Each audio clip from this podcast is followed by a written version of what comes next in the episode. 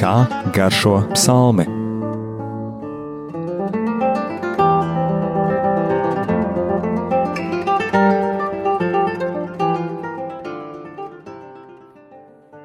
Slavēts Jēzus Kristus, mūžīgi mūžos slavēts studijā Stela un Anģela.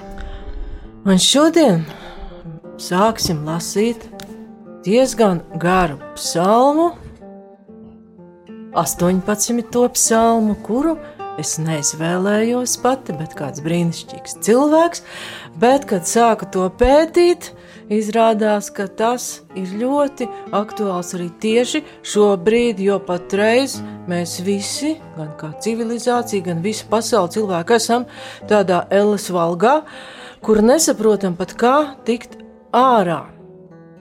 Jo šī Dāvida dziesma ir rakstīta, teksts, tad viņš ir bēdzis no saula. Tā tad ir bijis vajāts. Un 18. psalma sākumā, krievu tulkojumā tas būtu 17. psalms, mēs lasām dziedātāju vadonim Dāvida, tā kunga kalpa dziesma. Šīs dziesmas vārdus viņš veltījis tam kungam, ka tas kungs viņu bija izglābis no visu viņa ienaidnieku un no saula rokas.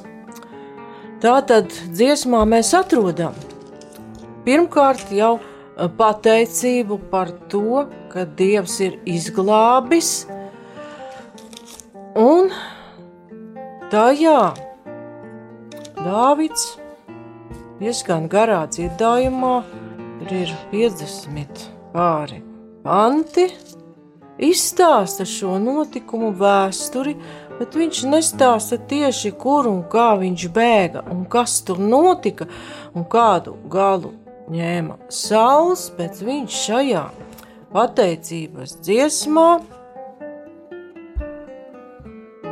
apraksta dieva varenos darbus, un šajā aprakstā mēs redzam arī atsauci uz veco derību, uz izceļošanu, kā kungs izveda tautu no verdzības valga un veda uz apsolīto zemi.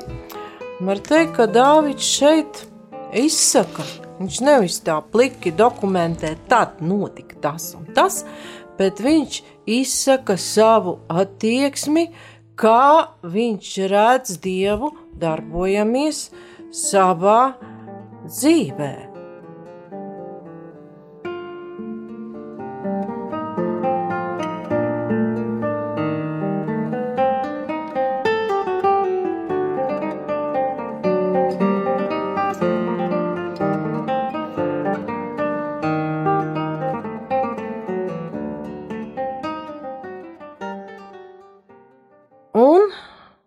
Redzam, ka dziesma ir dziedātāja vadonim, tātad vienkārši korim, nekāds mūzikas instruments te nav minēts, un varam ievērot jau kā Dāvids sevi nosauc.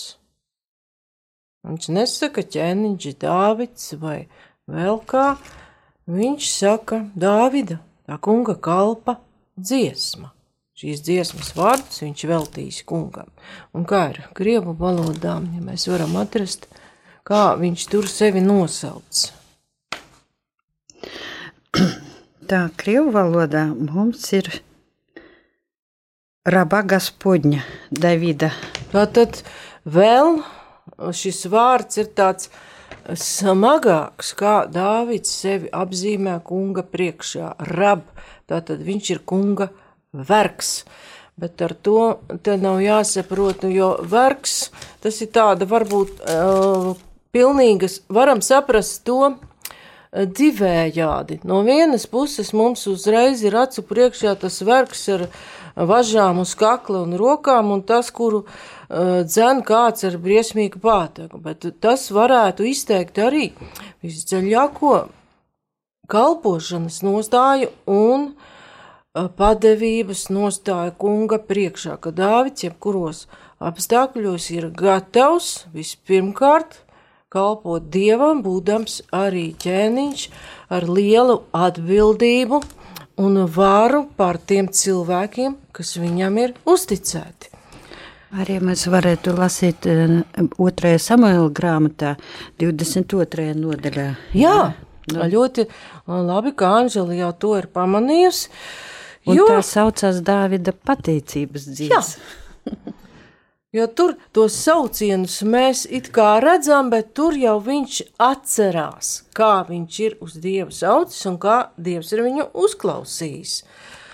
Un šeit ir dziesmas vārdus veltījis tam kungam, bet Samuela, otrā samuēlā grāmatā 22. nodaļā ir Dāvida pateicības dziesmas, un Dāvids griezās ar šīs dziesmas vārdiem pie tā kunga tanī dienā, kad tas kungs viņu bija izglābis no visu viņu ienaidnieku rokas un no saula rokas. Un daudzos pantos šis teksts ir gandrīz vārds vārdā līdzīgs ar 18. psalmu. Tā tad pateicības dziesma, kurā ir slavēts kungs par viņa palīdzību, pēc tam ārkārtēju palīdzību, ir ar šādu paralēlu tekstu nostiprināts, varētu teikt, ar likumu spēku, ka Dievs tieši tā rīkojās. Un, lai mēs varētu iet tālāk, nedaudz laiks būs jāveltī tieši vēsturiskajam apskatam, kas tad īsti notika un kā tur īsti bija ar Saulu un Dāvidu.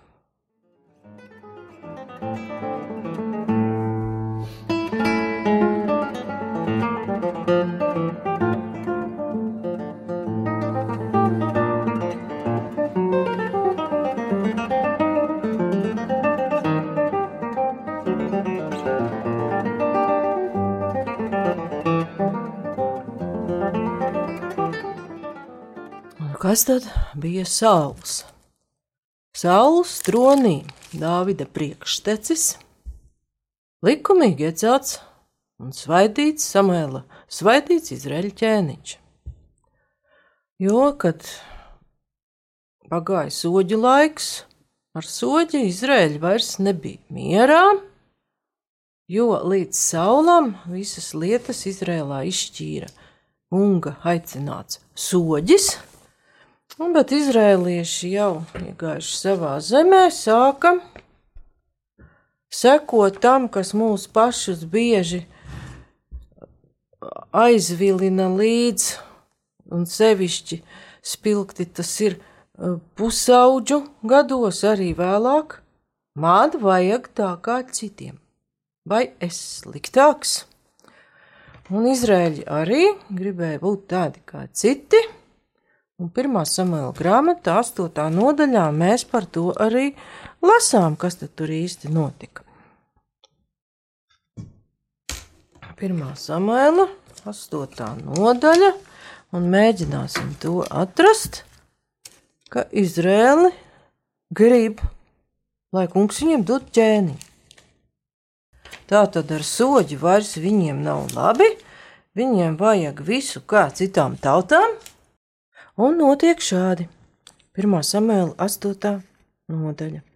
Un notika, kad Samuēls jau bija kļuvis vecs, tad viņš iecēla abus savus dēlus par soģiem Izrēlā. Viņa pirmdzimtā dēla vārds bija Joēls, un otra vārds bija Abija. Abi tie bija soģi Bēršabā. Vai trešais pants parāda, ka ar tiem soģiem jau arī bija radusies problēma? Un pat mūsdienīga problēma. Bet viņa dēli nestaigāja viņa ceļos, bet zinās pēc mantas.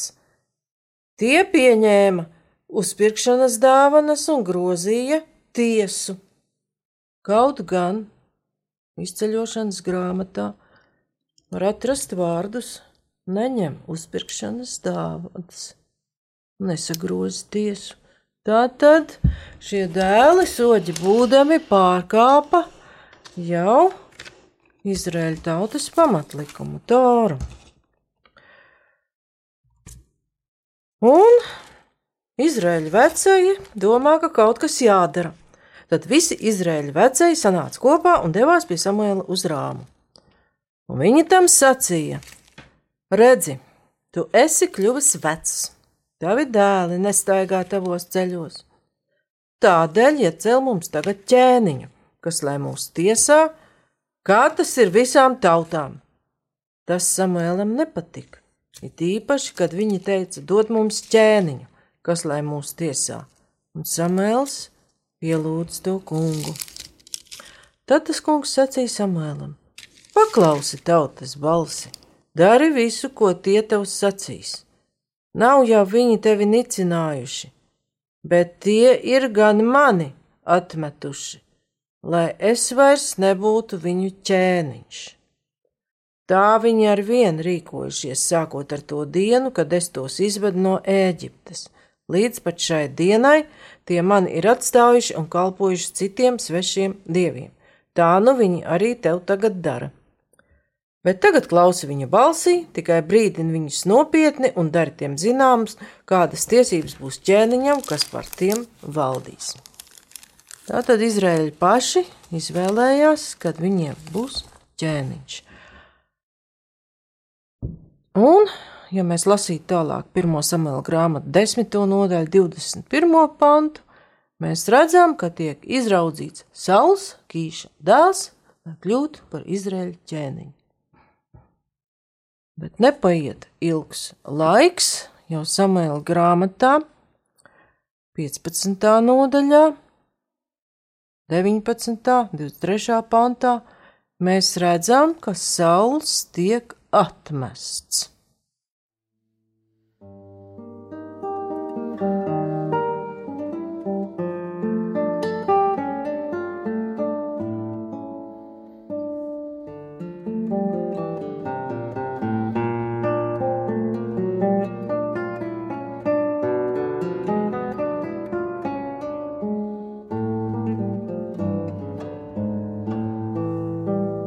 Un kas tad bija par vainu saulam, ko tad viņš tādu izdarīja?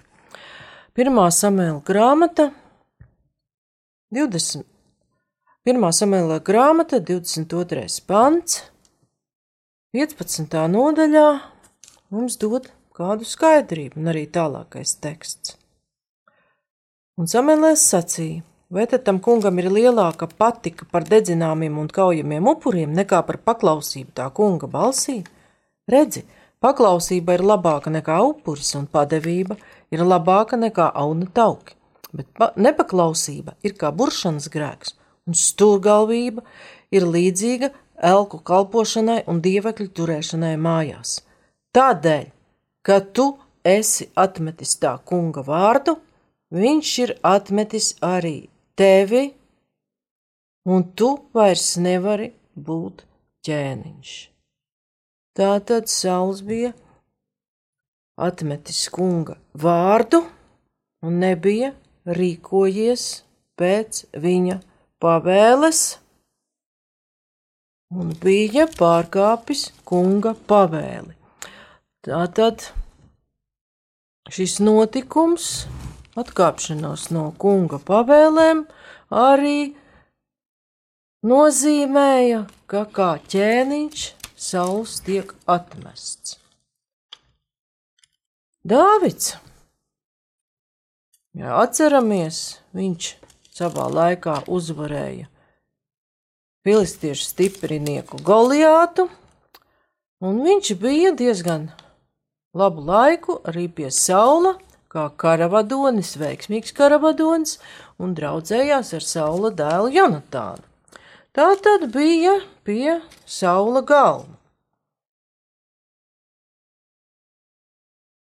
Taču saules sāka viņu ienīst. Tā kā psalms jau liecina par to, ka ir psalms liecina, ka saules ir vajājis Dāvidu. Nu, tā kā saules noteikti nebija viens, viņam bija savi piekritēji, tā tad ienaidnieku Dāvidam bija daudz. Un ir interesanti pat paskatīties, kāpēc Sauls tik ļoti ienīda Dāvidu. 1. samēla 18. nodaļa. Kas tad tur ir, tā, ko tad uh, Dāvids tādu bija Saulam izdarījis? Arī tāda diezgan mums pazīstama lieta, kur mēs redzam arī jaunajā derībā. 18. nodaļa 1. samēla 8 līdz 15. Pat no septītā panta mēs varam, nu, ir karā uzvara, nāk mājās ķēniņš Sauls ar uzvaru, arī karavadonis Dāvids, un šīs sievas dejas solī iedamas dziedāja. Sauls ir nositis tūkstošus, bet Dāvids desmitiem tūkstošu. Tad Sauls ļoti sadusmojās, jo viņam šis teiciens nepatika, un viņš sacīja: Viņi Dāvidam piedēvējuši desmit tūkstošu, bet man tie devuši tikai tūkstošus. Nu, vēl tikai tam trūkst ķēniņa varas, un sākot ar šo dienu, Sauls apskauda Dāvidu. Un tā arī joprojām. Tā tad šeit ir no tā, ka karavadonim sekmējas ir dzimis, dzimusi liela skaudība. Un ja mēs salīdzinām ar jauno derību, kā tad arī Jēzus, tā teikt, Dāvida pilnība jaunajā derībā nonāca līdz notiesāšanai, un ko Pilārs konstatēja attiecībā uz tiem augstajiem priesteriem, kas nodeva Jēzu viņa rokās. Kā tāds romiešu ierēdnis un tiesībnieks, viņš visu to lietu jau ļoti labi saprata. Marka evanģēlijā 15. nodaļā, 10. pantā mēs varam lasīt pat no 9. panta, bet Pilārs tiem atbildēja un sacīja: Vai jūs gribat, ka es jums atlaižu jūņu ķēniņu? Jo viņš zināja, ka augstie priesteri to bija nodevuši aiz skaudības arī mēs varētu atgriezties pirmā radīšanas grāmatā, kainu, pie kaina un ābela, kur varam lasīt ceturto nodaļu. Un Ādams atzina ievu savu sievu, un viņa kļuva grūta un dzemdēja kainu. Viņa teica, ar kunga palīgu dabūju dēlu, un vēl viņa dzemdēja viņa brāli Ābelu. Ābels bija avju gans, bet kains apstrādāja zemi. Pēc daudzām dienām Kains no zemes augļiem nesa upurdāvanu kungam, un Ābels arī, viņu, arī viņš nesa no savu avju pirmdzimtajiem un to treknuma, un kungs uzlūkoja Ābelu un viņa upurdāvanu, bet Kainu un viņa upurdāvanu viņš neuzlūkoja, un Kains ļoti noskaitās un novērsa savu vaigu, un kungs teica Kainam, kāpēc tu skaties, kāpēc tavs svaigs novērsies? Vai tu nebūtu uzlūkots, ja būtu darījis labi, un ja slikti tu dari, grēks pie durvīm apmeties, tas tevi iekāros, bet tev par to jāvalda. Un Kains teica savam brālim Ābelam: Ejam uz lauka, un Kains celās pret Ābelu savu brāli un nokāva viņu. Paldies! Un šeit Anģelas teksts parāda ļoti skaidru skaudības šo darbību. Un Sauls rīkojas līdzīgi kā Kains, viņš meklē Dāvida nokaut. Un 1. samalā grāmatā 19. nodaļā mēs varam lasīt 18. pantā. Tā Dāvids bēga un viņš izglābās. Nonāca pie Samuēla rāmā un viņš tam visu izstāstīja, ko Sauls bija viņam nodarījis jo Sauls pāris reizes mēģināja Dāvidu arī nogalināt, pat fiziski nogalināt, taču kungs to visu novērsa. 20. nodaļā, 1. samuēlā grāmatā, mēs varam lasīt, tad Dāvids bēga no Najotas pie Rāmas. Viņš nāca un sacīja Jonatānam, ko es esmu nodarījis, kāda ir man pārkāpuma vaina, ar ko es esmu noziedzies tev tēva priekšā, ka viņš tīko pēc manas dzīvības. Tad tas viņam sacīja, lai Dievs pasargā, tu nemirsi. Tad draugs apliecina Dāvidam šādā baiļu brīdī, ka Dievs pasargā un tu nemirsi. Un Saula karjera beidzās diezgan traģiski. Pirmā samēla grāmatā, 28. nodaļā, 7. pantā mēs varam lasīt, ka viņš dzīvē tik tiešām arī īsteno to grēku, kurš ir nedaudz minēts jau 23. nodaļā, kad viņš iet pie šīs garu saucējas Endoras burves. Un dažkārt ir jautājums, kāpēc tad visas tās lietas Dievs ir aizliedzis. Jo uz katru stūri mēs redzam dažādas piedāvājumus, nu, ieskatīties tur un tur un veikt tādas un tādas maģiskas darbības, tad tev būs silti un labi. Tēvs Meņš uz to ir atbildējis, ka Dievs neļauj mums tur iet un ir aizliedz šīs darbības, jo tās mums pašiem ir bīstamas. Tā pasaule ir priekš mums bīstama, un mums nav nepieciešams ne zīlēt, ne burt, lai panāktu kādus savas dzīves izmaiņas. Tā tad tēva meņa skaidrojums palīdz saprast, ka pret Dievu mēs joprojām vēl esam mazi bērni, un viņš, kā gādīgi vecāki, nelaiž mazo pie elektrosadalas skāpja, viņš arī nelaiž mūs pie lietām, kas mūs pašus var iznīcināt. Un pirmā samēla grāmatā, 31. nodaļā, mēs lasām, ka Sauls iet bojā, ka viņa šis karagājiens pret Dāvidu, ja tā varētu izteikties, 31. pantā, 6. 6. pants, 1. samēla apliecina, ka Sauls mirst. Sestais pants, un tā krita tanī pašā dienā gan saules, gan viņa trīs dēli, gan viņa ieroču nesējs un visi viņa vīri. Tā tad visi šie ienaidnieki, kuri vajāja Dāvidu un no kuriem viņš bēga.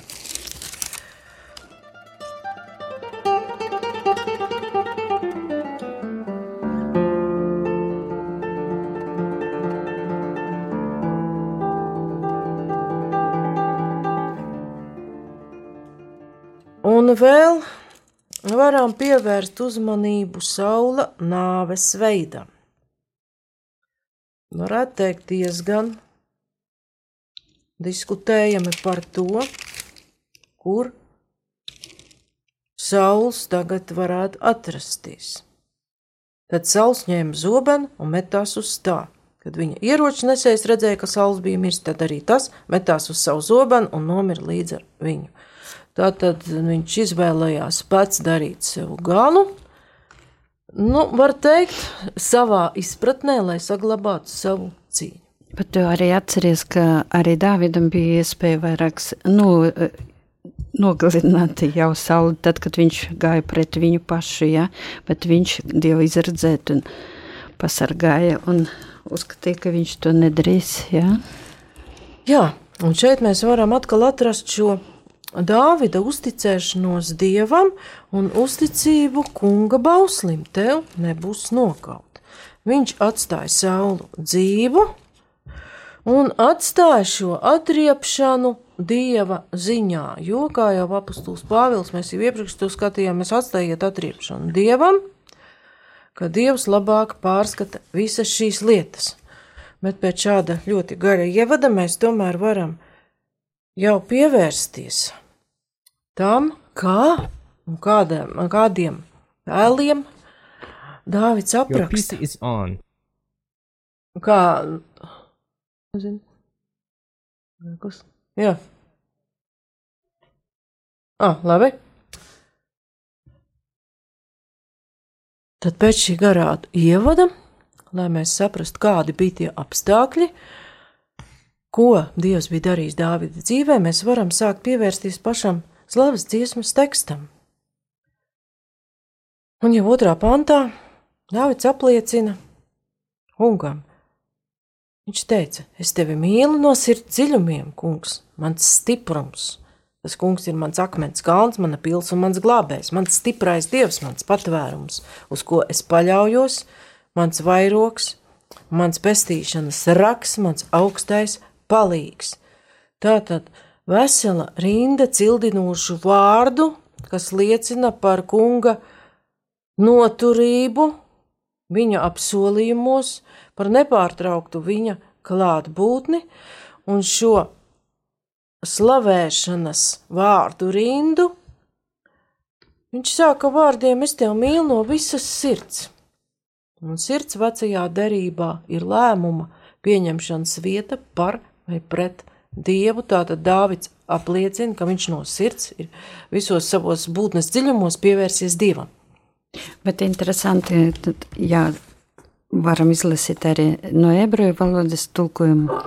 И сказал он, люблю тебя, Господь, сила моя, Господь, скала моя и крепость моя, избавитель мой, Бог мой, твердыня моя, на Него полагаюсь, щит мой и рог спасения моего, опора моя, восхваляемым называю Господа, и от врагов моих спасаюсь. Paldies! Teksts ir diezgan līdzīgs latviešu tulkojumā, bet varētu teikt, ka krieviski viņš skan tā pamatīgāk. Un kādus tēlus un simbolus tad mēs šeit redzam? Akmens kalns, kalīns, pils, glābējs, un šeit ir lietot šis vārds pestīšana, kas nozīm, nenozīmē tādu parastu izglābšanu, bet jautājumu atrisināšanu daudz dziļākā līmenī. Un Dāvids runā arī par šo situāciju, kāda ir, kad bangas vēlās virsū, iznīcības traumas mani biedēja, elles valgi jau tinās ap mani, nāves cilpas jau žņauca mani. Savās bailēs es piesaucu to kungu un brēcu pēc sava dieva. Un redzam, ka Dāvids ir pārbijies, kad viņš redz savas situācijas ļoti tādu bīstamību, pat bezcerību, un brēc uz kungu, tā tad viņš nedomā jau vairs tur kādu loģiku, kas man kur nāks palīgā, uz kādiem karavīriem es varu paļauties. Viņš no sirds dziļumiem, kas bļauj, lai kungs palīdz. Arī Marka evaņģēlijā mēs varam lasīt, ka pa Jēzus lūkšanu Getzemenē. E, tā ir tātad 14. nodaļa tri, eh, sākot ar 32. pantu, un tie nonāca vietā, ko sauc Getzemene. Un viņš sacīja saviem mācekļiem: apsēdieties šeit, kamēr es dievu lūkšu. Viņš ņēma sev līdzi Pēteri, Jēkabu un Jāni, un tad viņu pārņēma šausmas un izbailes. Mana dvēsele ir satriekta līdz nāvei, viņš tiem sacīja: palieciet šeit un nesiet nomodā un mazliet pagājis viņš krita pie zemes un lūdza, lai tā stunda, ja tas iespējams, ietu viņam garām. Un viņš sauca: Aba, Tēvs, tev viss ir iespējams. Ņem šo bikeri prom no manis, tomēr nevis kā es gribu, bet kā tu.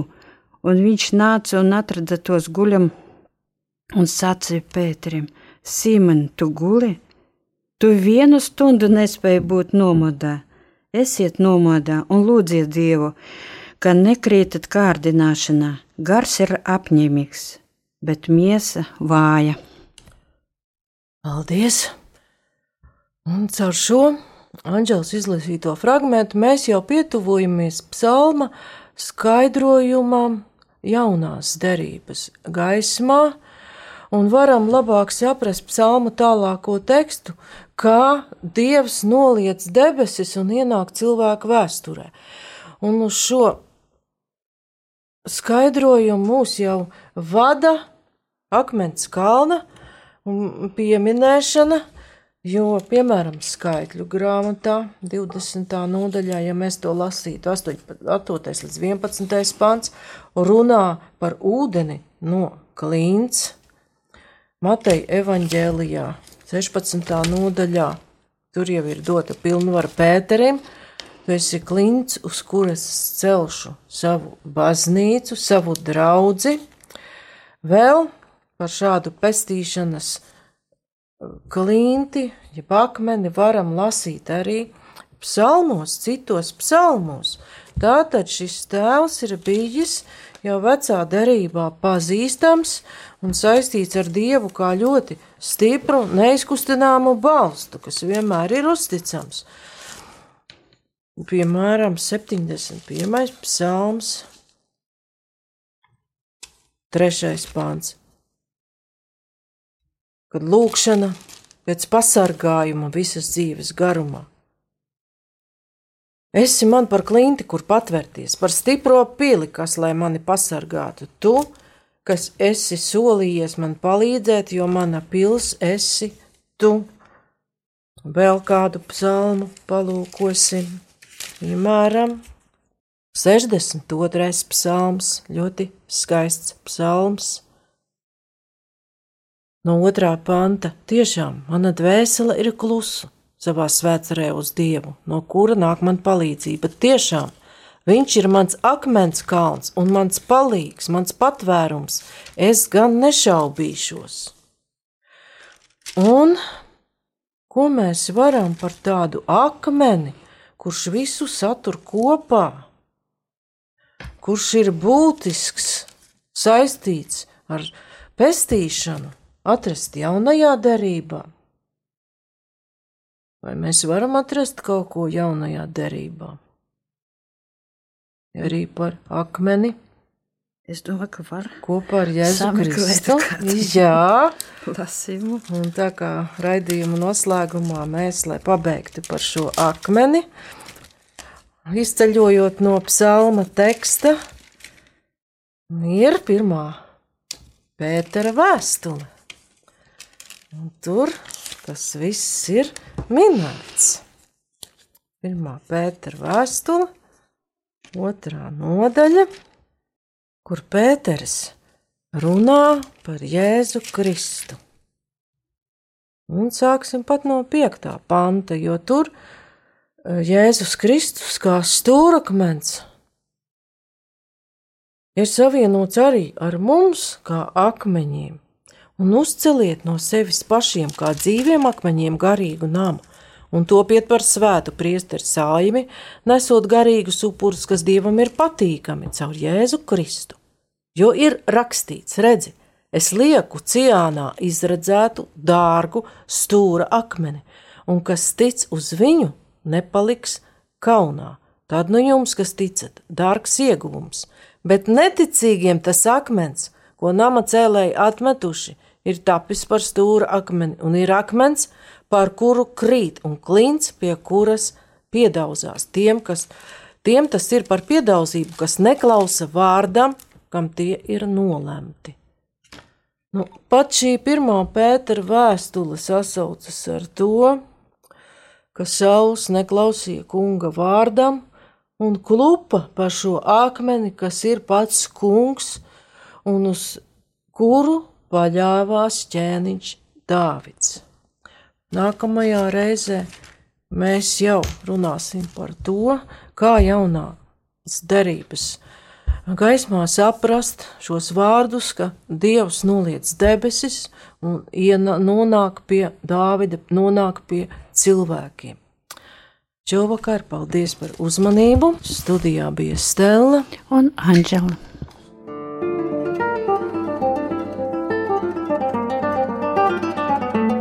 Kā garšo psalmi.